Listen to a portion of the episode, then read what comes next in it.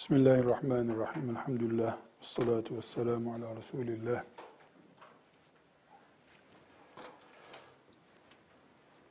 Bir erkeğin evlenmesi haram olan kadınları, dolayısıyla kadının evlenmesi haram olan erkekleri konuşuyoruz. Ee, önce nesep yoluyla bir insanın e, yani nesep yoluyla dediğimiz annesinden babasından kaynaklanan yolla birleştiği kimseleri konuştuk. Bir de e, insanın nikah bağı kurma yoluyla, buna hısımlık diyelim Türkçedeki deyimiyle, nikah bağı kurma yoluyla birleştiği kimseler var, ebedi haram olanlardan. Bunları e, altı kişi daha önce saymıştık. Altı tane nesep yoluyla saymıştık. Yedinci olarak da bir insanın hanımının yukarısı, hanımının yukarısı dediğimiz zaman hanımının annesi, annesinin annesi e, bir insana haram oluyor. Bu da yedincisi. Ne demek hanımının yukarısı? Hanımın anası olur. Sekizinci olarak da cinsel ilişki kurulmuş bir e, kadının e, başka e, erkekle evli olmasından kaynaklanan kızı. Yani insanın deyim yerindeyse üvey kızı bizim ifademizle üvey kızı. Bunu erkeğin tabloda karısı, karısının kayınvalidesi, karısından kaynaklanan üvey kızı şeklinde konuşmuştuk. Bu da sekizinci yasak. Dokuzuncu haram olan yasak, insanın uzantıları, kendi uzantıları var. Bu uzantı işte kızı olur, oğlu olur. Ee, bu uzantılardan oğlunun ve e, oğlunun oğlunun hanımları yani gelini ya da torununun karısı olan yine gelini sayılacak. Onlar da bir insana kız hükmünde olduğu için gelin, öz oğlunun e, hanımı gelini sayıldığı için onunla da oğlu boşadıktan sonra e, bir daha evlenmesi mümkün değil. Burada incel, incelikle anlaşılması gereken şey, şimdi mesela e, şu anda e, oğlu onunla evli, oğlu öldü veya boşadı, durum değişmiyor. O onun hala kızı durumunda. Kayınpeder olarak da o ona kıyamete kadar yaşamış olsalar bile kayınpeder diye bakacaklar. Bir şey değişmiyor. Haramları nesep ve hısımlık yoluyla ve de süt emme yoluyla ayırdık. Karşımıza bu tablo çıktı. Şimdi meseleye üçüncü perspektiften bakacağız. Bir insanın süt emme yoluyla bağ kurduğu aileyle bağlantısını ele alacağız. Süt e, tabloda şöyle bir e, kural var. Bu kuralı anlarsak mesele tamamen çözülmüş oluyor. Nedir mes- kuralımız?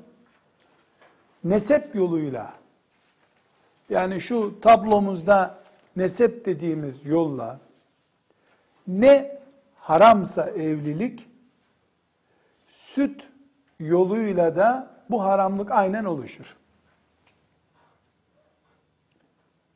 Tabi bunun ayrıntıları var. Şimdi nasıl mesela bir insanın kendisini doğuran annesi ve doğurulmasına sebep olan babası haram oluyor. onların kanalıyla oluşan halalar, teyzeler haram oluyor. Aynı şekilde doğurmayı süt olarak kabul edeceğiz. Doğurmak yerine süt koyacağız. Dolayısıyla bir insanın süt dayısı olur. Süt dayısının kızı olur. Bir insanın süt amcası olur. Ya nasıl oluyor süt amcası? E bir kadın seni doğurunca öz anne diyordun ya. Doğurmak yerine emzirmeyi koy. Emzirmeden kaynaklanan kural doğurmaktan kaynaklanan kuralla aynı. Burada tabii hanım kızlar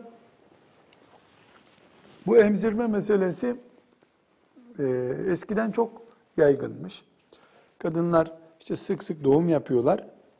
E, yaptıkları doğumda işte sütü gelmiyor, kadın hasta oluyor o arada çocuğu emziremiyor.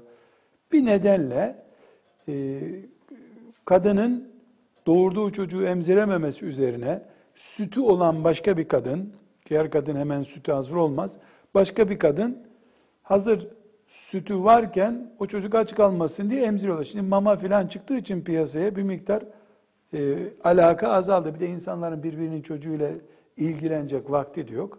Ama ilk zamanından beri insanlık süt anne diye bir kavram bilir. Siret-i Nebi'den de biliyorsunuz Efendimiz sallallahu aleyhi ve sellemin de süt annesi vardı. Yani süt emmişti. Ama Efendimiz sallallahu aleyhi ve sellem özellikle süt anneye verilmiş. E, Mekke'nin ikliminden daha rahat, ılıman bir iklimde büyüsün diye. Netice olarak süt anneliği dinimizde var. E, bir önceki derste ayette okumuştuk ve ummahatukum ellati arda'nekum ve sizi emzirmiş anneleriniz diyor. Demek ki annenin süt anne diye ikinci bir çeşidinin olması Kur'an'la sabit. Yabancı bir kavram değil. Süt annelik helaldir. Burada şöyle bir örnek vereceğim size. Süt e, anne konusunu iyi anlamak için diyorum. Şimdi A ailesi düşünün. Bir de B ailesi düşünün. B ailesi anne baba beş kardeş, yedi kişilik bir nüfus. A ailesi de anne baba beş kardeş, yedi kişilik nüfus. B ailesinden bir çocuk. Hangi çocuk o? Ahmet bir çocuk. Süt ihtiyacı var veya başka bir sebeple A ailesinden süt emiyor. A ailesindeki anneden süt emiyor. Bu emdiği süt süt annelik oluşturdu. Şimdi konuyu iyi. Bu A ailesi, bu da B ailesi. Şuradaki çocuğu aldık, buradaki çocukların arasına koyduk. Bu beş çocuktan bir tanesini buraya koyduk. Bu beş çocuğu bu, buradaki kadın Leyla diye kadın emzirmişti zaten. Bu kadının beş tane doğurduğu bir tane emzirdiği çocuğu var. Dolayısıyla bu kadın altı çocuk doğurdu kabul ediyoruz. Bu kadına birini, beş tanesini dokuz ay karnında taşıdığı için anne diyecek bu beş çocuk. Bu sonradan gelen çocuk da karnında durmadığı halde bu annenin göğsünden süt emdiği için anne diyecek. Dolayısıyla bu kadın altı çocuk annesidir bu dünyada. Bu evde kaç çocuk vardı? Burada da beş çocuk vardı. Bir tanesini çıkarıp buraya götürmüştük. Geriye dört çocuk, anne baba kaldı. Bu dört çocukla anne babanın bu evle hiçbir alakası yok. Buradan aldığımız çocuk, Mustafa isimli çocuk diyelim, buraya ilave edildi. Süt anneliği ile ilgili hükümler, işte süt annesi, süt dayısı, süt kayınpederi bilmem nesi, hepsi buradan alıp buraya götürdüğümüz bu çocukla alakalı. Dolayısıyla bu çocuk burada altıncı çocuk gibi olduğu için bunlardan biriyle evlenemez. Kendi kardeşi çünkü. Bu süt annesinin kız kardeşiyle evlenemez süt teyzesi çünkü. Bu Mustafa'yı buradan alıp buraya götürmüştük ya Mustafa'nın bir de Mehmet diye kardeşi var. Bu Mehmet. Buradan biriyle evlenebilir mi? Mehmet'in burayla hiç bilgisi yok. Mehmet yabancı. Yani bu iki aile zaten farklı iki aileydi. Bu çocuğu biz alıp buraya attık. Dolayısıyla buradan silindi bu. Buranın çocuğu oldu. Bütün sütle ilgili hükümler, kurallar, yasaklar, serbestlikler. Mesela bu Mustafa'yı almıştık ya burada kız çocuklarıyla oturup beraber oyun oynayabilir. Beraber gurbete de gidebilir, hacca gidebilirler. Niye? Bu bunların kardeşi oldu artık. Süt yoluyla kardeşi oldu. Ama buradaki bağı kopmadı bu çocuğun. İki evi var artık, iki anası var. Bu anneden kaynaklanan teyzelikleri, halalıkları, kardeşlikleri şu şablon onun için burada da geçerli. Buradaki çocuklar bizim ağabeyimiz bu evin çocuğudur diye bu eve paldır küldür giremezler. Bu evi hiç tanımıyor onlar bile. Bu inceliği anlamamız lazım. Kim süt emdiyse onu sattık gitti öbür tarafa. Onun kardeşlerinin o evle bir alakası yok. Çünkü bir insan ya doğum yoluyla, doğmak yoluyla, ya süt emmek yoluyla ya da nikahlanmak yoluyla bağ kurar bir aileyle. Mustafa bunlardan biri olan sütle bağ kurdu, bu aileye geçti. Ama Mustafa'nın kardeşi Mehmet, Mustafa'nın kardeşi Leyla, Mustafa'nın kardeşi Ümmü Külsüm bunlar bir bağ kurmadılar. Bu bir aile, burası bir aile. Sanki Mustafa çift analı, çift babalı oldu. Süt kardeşliği bu demek. Dolayısıyla bu e, Mustafa'yı buradan alıp buraya koyduğumuzda bu ailenin bir çocuğu olduğu için bu ailede mesela Mehmet vardı, Ali vardı, Ümmü Külsüm vardı, Rukiye vardı. Mustafa'yı da getirdik buraya koyduk. Buradaki Mehmet kimle evleniyor, kimle evlenemiyorduysa artık bu Mustafa da Mehmet gibi oldu. Bu aileden biri oldu. Sanki burada doğdu. Kabul edeceğiz onu. Mantığı bu şekilde kurarsak bir sorun yok. Şimdi tekrar toparlayayım. Ayeti Celili ee, Nisa suresinden 22. 23. ayeti okuyalım. Ve la tenkihu ma nekaha aba'akum minen nisa'i illa ma kad selef innehu kana fahişeten ve makten ve sa'e sebila. Hurrimet aleykum ummahatukum ve benatukum ve ahavatukum ve ammatukum ve halatukum ve benatul ahi ve benatul ukti ve ummatukum illati erda'nakum ve ahavatukum minel rada'ati ve ummatu nisaikum ve rabaibukum allati fi hucurikum min nisaikum allati dakhaltum bihin. Fe in lem tekunu dakhaltum bihinne fe la cunaha aleykum. Ve halailu ebnaikum allazina min aslabikum ve en tecma'u beynel uhteyni illa ma kad selef. İnne Allaha kana gafuran Böylece haramları ayetten okumuş olduk. Şablonumuzda da gördük. Tekrar bunları bir daha mütalaa edelim. Ondan sonra muakkaten haram olanlara geçeceğiz. Ne demiştik? Geçici bir haramlık olabilir. Kökten değişmeyecek haramlık olabilir.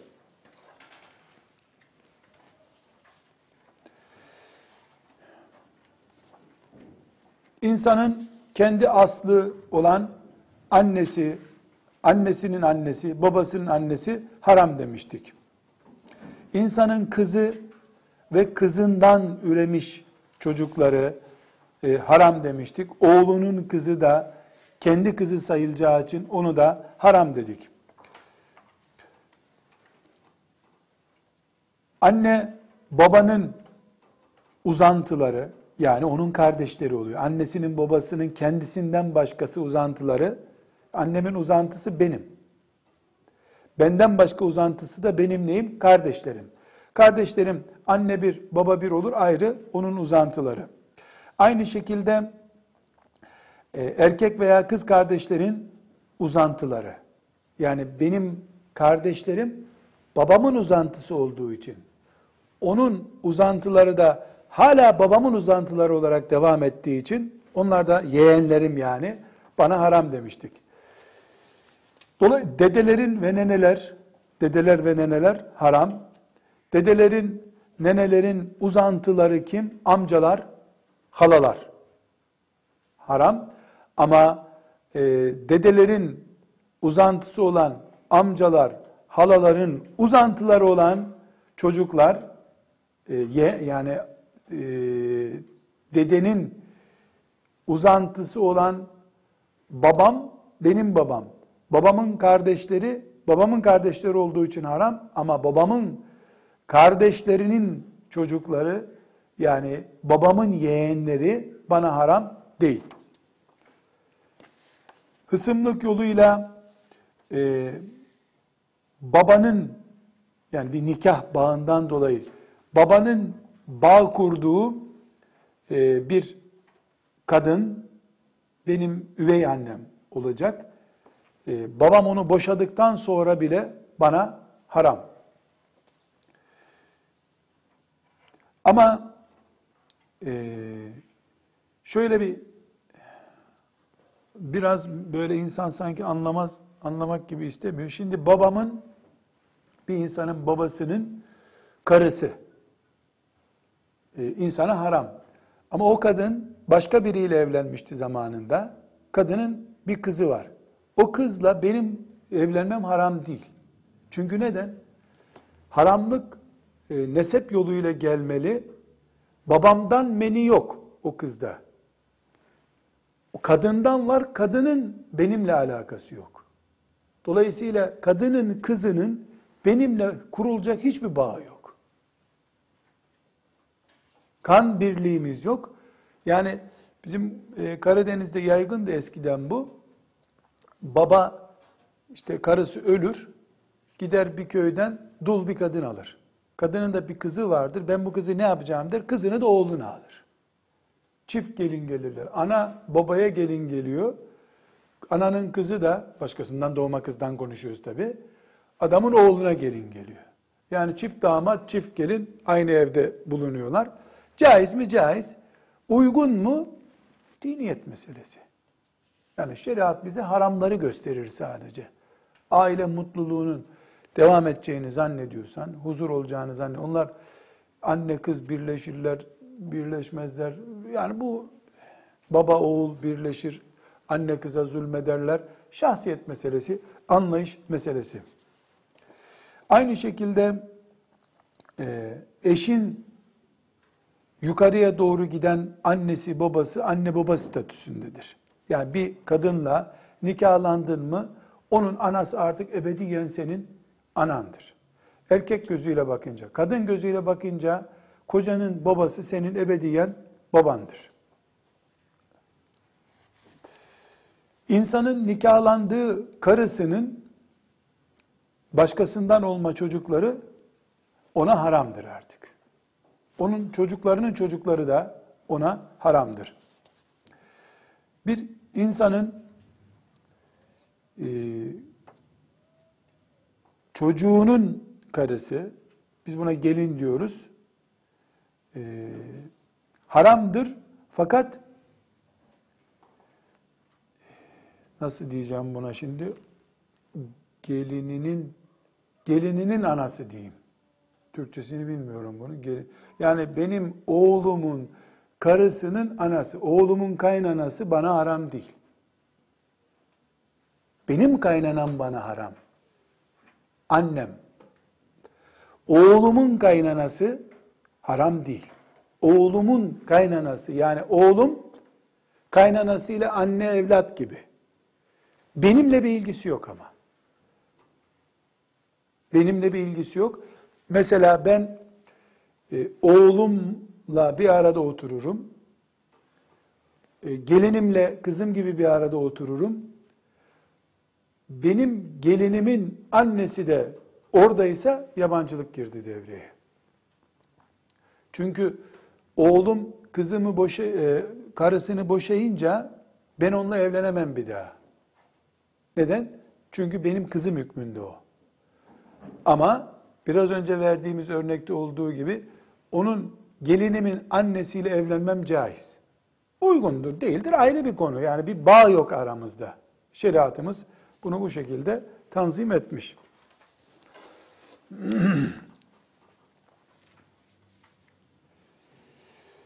Şimdi böyle hızlı bir şekilde sayayım. İnşallah yavaş yavaş karıştırmadan anlarız. Emme meselesine gelince süt emmede insanın süt emer emerek oluşturduğu annesi ve ninesi yani nasıl insanın bir anası, babası, neneleri vardı. Süt emince de biraz önce tarif ettiğim gibi oradaki anneler, neneler otomatik onun da annesi, nenesi oldu. Aynı şekilde e, süt emdiğin kadın mesela Ayşe onun kocası da mevcut o zamanki kocası da senin baban oldu. Neden? Çünkü bir kadın göğsünde süt olması için umumiyetle evli olup kocasıyla yaptığı cinsel ilişkiden e, gelen sperm bağıyla, meni bağıyla oluşacak çocuk için süt doğuyor. Dolayısıyla süt oluşuyor ya kadının göğsünde. Evli bir kadının göğsünde oluşmuş sütün oluşma merhalesinde mikroskopla görülecek kadar bir şey de olsa bunlar kocasının katkısı var. Dolayısıyla sen o annene, süt anne, anne dediğin gibi onun kocası da otomatik baban durumunda olur. Daha önce evli olduğu bir adam ya da sonradan evlendiği bir adam buna dahil değil ama. O anda çünkü senin süt emdiğin zamanki oluşan göğüsteki süt o adamın katkısıyla oluşuyor. Başka biriyle başka bir zaman evlenince durum değişiyor. Süt annenin uzantıları, çocukları da onun kardeşi oluyor otomatik olarak. Ee, süt annenin e, diğer kız kardeşleri, e, kardeşlerinin yeğenleri tıpkı babanın kardeşleri nasıl söz konusuydu, süt annenin, süt babanın kardeşleri vesairesi de aynı şekilde karşımıza çıkıyor. Mesela süt dede diyeceğiz buna. Süt dedenin diğer oğlu amcası sayılacak. Süt dedenin diğer kızı halası sayılacak. Ama süt dedenin e, oğlunun yani diğer oğlunun e, amcası amcası sayılacak. Amcasının çocukları helal. Tıpkı nesepte ana soyunda olduğu gibi.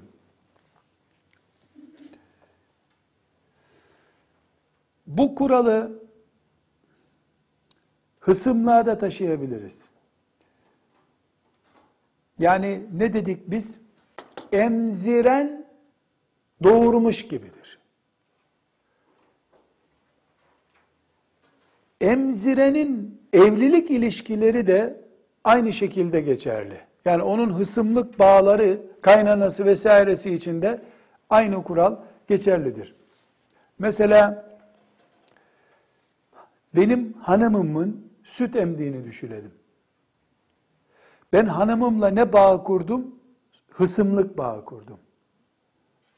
Benim hanımım süt emdiyse zamanından birinde ona ne diyor? Süt anne diyor. Ben de ona süt kaynana diyeceğim gibi olacak. Çünkü ne dedik? Emziğinde Mustafa'yı ne yapmıştık? Süt emdi diye bu aileye katmış mıydık?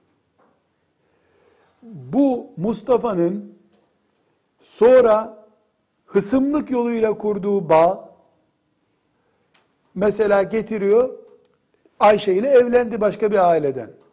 Ayşe'nin süt bağlarını Mustafa üstlenmiş olacak bu sefer. Binaenaleyh Mustafa burayla bir bağ kurdu. Hanımının yoluyla da bir bağ kuruyor. Süt kaynana diye bir kaynana devreye girecek. Aslında normal kaynanası var bir. Çünkü hanımı Ayşe ya onun. Ayşe'yi doğurana da kaynana diyecek. Ayşe'yi emzirene de kaynana diyecek. Bir sürü kaynana yani. Bir tanesiyle ne ediyordu? iki tanesiyle de onu etsin artık.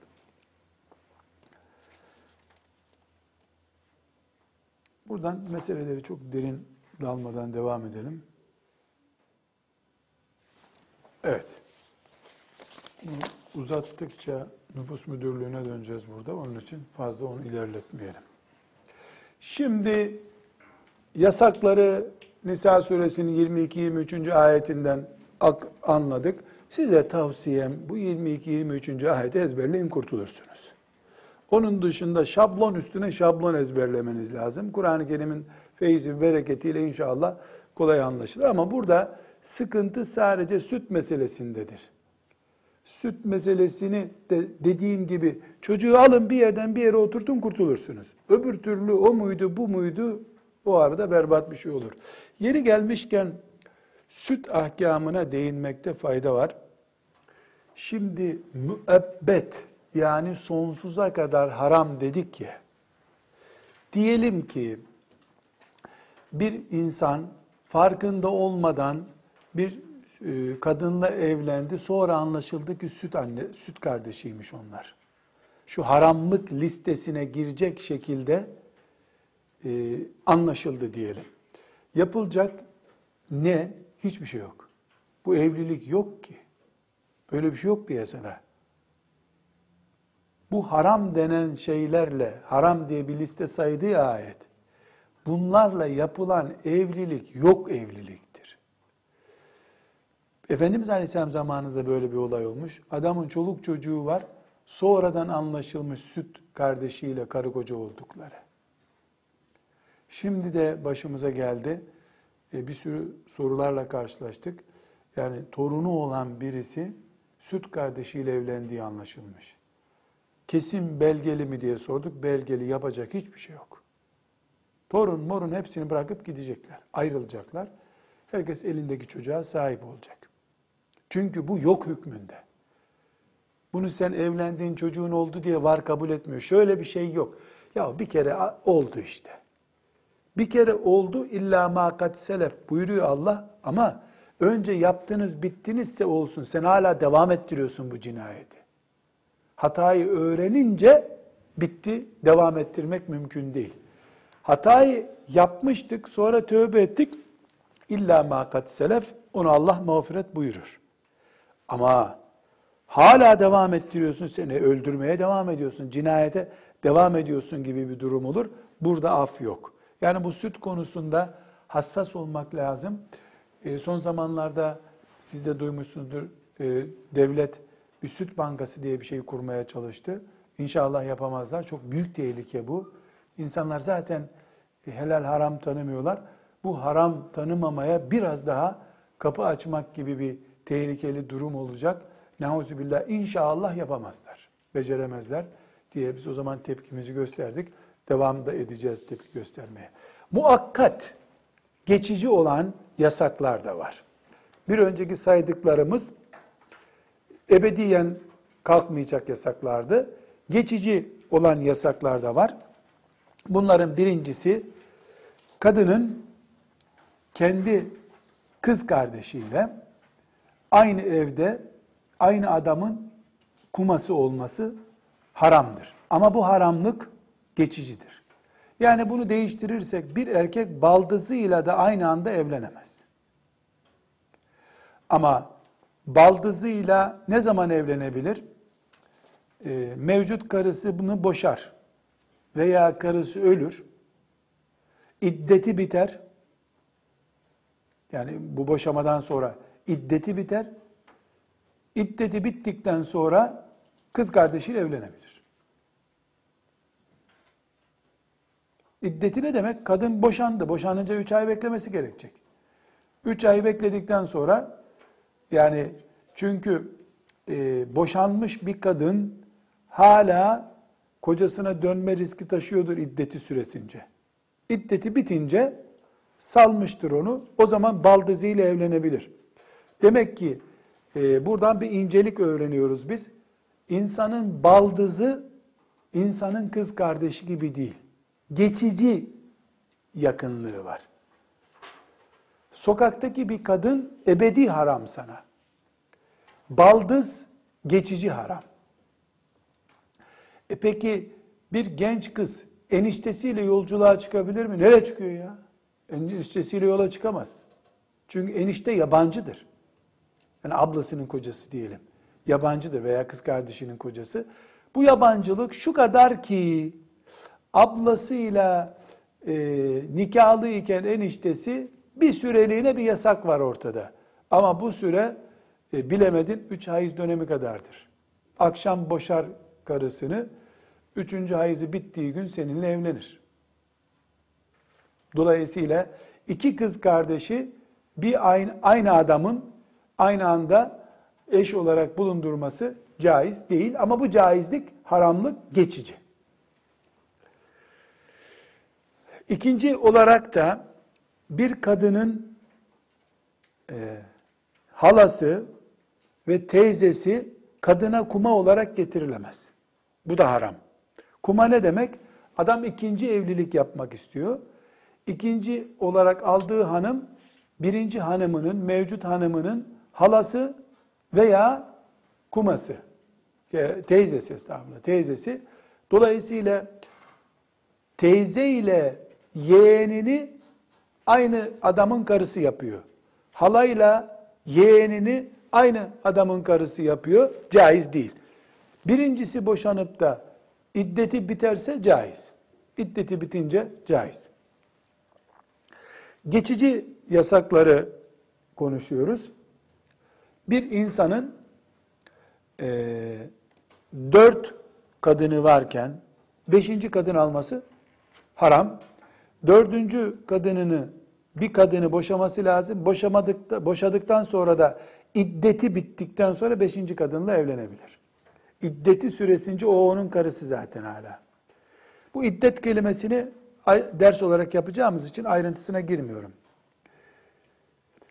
Ee, ve bir başka e, dördüncü e, geçici yasaklık, başkasının karısı, nikahlı karısı veya başkasının boşadığı iddeti bitmemiş kadın, ölüm iddeti de olur, boşanma iddeti de olur. Kimsenin karısı olamaz. Ama bu yasak geçici bir yasaklık. Ne zamana kadar? Nikahından, iddetinden düştüğü an başkasıyla da evlenmesi caizdir. Ve bir başka talak konusunda göreceğiz kızlar. Bir Müslüman karısını boşadığı zaman, kesin boşama dediğimiz bain talakla boşadığı zaman, üç talak hakkını da kullanırsa, bu talak konusuna geniş geniş temas edeceğiz inşallah. Boşadığı zaman, o kadınla bir daha evlenmesi haramdır. Ama ta boşama iki türlüdür. Dönüşümlü boşama var, dönüşümsüz boşama var. Bu tam yüzde yüz artık bir daha e, seni istemiyorum de üç talakla boşar. Üç hakkını da kullandığı zaman adam e, işte karısını boşadı. Yeniden o kadınla evlenemez bir daha. Evlenebilmesi için o kadının iddetini beklemesi, iddetini bekledikten sonra normal bir evlilik yapması, o evlilikte adamla cinsel ilişki yapması, cinsel ilişkiden sonra o adamın onu istiyorsa boşaması, boşadıktan sonra tekrar iddetinin bitmesi, iddeti bittikten sonra eski kocasıyla evlenmesi mümkündür. Bütün bunlar tiyatro için yapılmadıysa. Tiyatro için nasıl yapılır? Adam kadını boşadı. Boşadıktan sonra baktı ki bir sürü malda kadının tarafına gidecek. Tamam tamam barıştık filan dedi. Üç talakla boşadığı için barışması mümkün değil. E kadın gidiyor, e, ben mahkemeye gidiyorum sen beni boşadın diyor. Mal da gidecek. Şahsiyeti de yok adamın. Yalvarıyor kadına gel diyor. E bu sefer ne yapıyorlar? Bir adama diyorlar ki senle nikahlayalım bu kadını. Sen de boşa akşam. Buna kiralık teke diyor Efendimiz sallallahu aleyhi ve sellem. Böyle bir nikah olmaz. E, başka bir adamla normal bir evlilik yapacak. O onunla yatacak, cinsel ilişki yapacak. Adam beğenmedi de uyuz uyuz kadın sen nereden geldin başıma dedik. Kovdu kadını. O da üç talakla boşadı. Üç talaktan sonra iddeti bitecek. Dolayısıyla ortalama e, en az beş ay geçmiş olacak. İkinci adamdan evlenip boşanma süresi. Bu beş ay zarfında işte adam hala bekliyor olacak onu. Ondan sonra yeniden evlenmeleri mümkün olabilir. Dolayısıyla üç talakla boşanmış bir kadınla kocası bir daha evlenemez başka biriyle evlenmeden. Bir başka başlık da e, bir Müslüman erkek Yahudi ve Hristiyan dışında Müslüman olmayan bir kadınla evlenemez. Yani Müslüman olmayanla evlenemez diyoruz, demiyoruz. Müslüman değil ama Hristiyan kadın veya Müslüman değil ama Yahudi kadın. Yahudi ve Hristiyanla evlenebilir. Fukahanın bir bölümüne göre Mecusi ile de evlenebilir diyen varsa da yani tercih edilen görüş o değildir. Dolayısıyla bir Müslüman erkeğin karısı ya Müslüman olur, ya Hristiyan olur, ya Yahudi olur. Başka bir şey olamaz. Olursa bu evlilikte caiz değil. Geri döndüğümüzde, ters baktığımızda kadının ise Müslüman kadının sadece e, Müslüman olabilir kocası. Yahudi ve Hristiyan olamaz. İcmaen sabit, Kur'an'da sabit bu. Bunu yeni bir başlık açacağız e, sonraki derste. Kadının ve erkeğin evliliği için din birliği diye bir başlık açacağız. O zaman bunu geniş bir şekilde inşallah konuşacağız. Bir başka neyi konuşuyoruz? Geçici haramlıkları konuşuyoruz. İki kız kardeşin bir erkekte birleşmesi, hala ve teyzenin e, yeğeniyle bir erkekte birleşmesi dedik. Dörtten fazla bir erkeğin evlenmesi dedik. E, başkasının nikahlı karısı veya boşanmış ama iddeti bitmemiş karısının evlenmesi, üç talakla boşanmış kadının e, aynı adama geri dönmesi veya müşrik bir ya da Hristiyan ve Yahudi olmayan, gavur karı diyelim. Gavur karı ama Hristiyan ve Yahudi istisna edeceğiz. Gavur karıyla Müslümanın evlenmesi haram dedik. Son olarak da zina etmiş bir kadınla tövbe etmediği sürece evlenmek haramdır. Ama bu evlilik, bu nikah geçicidir. Çünkü tövbe edecek olsa, zinaya tövbe edecek olsa kurtulmuş olur.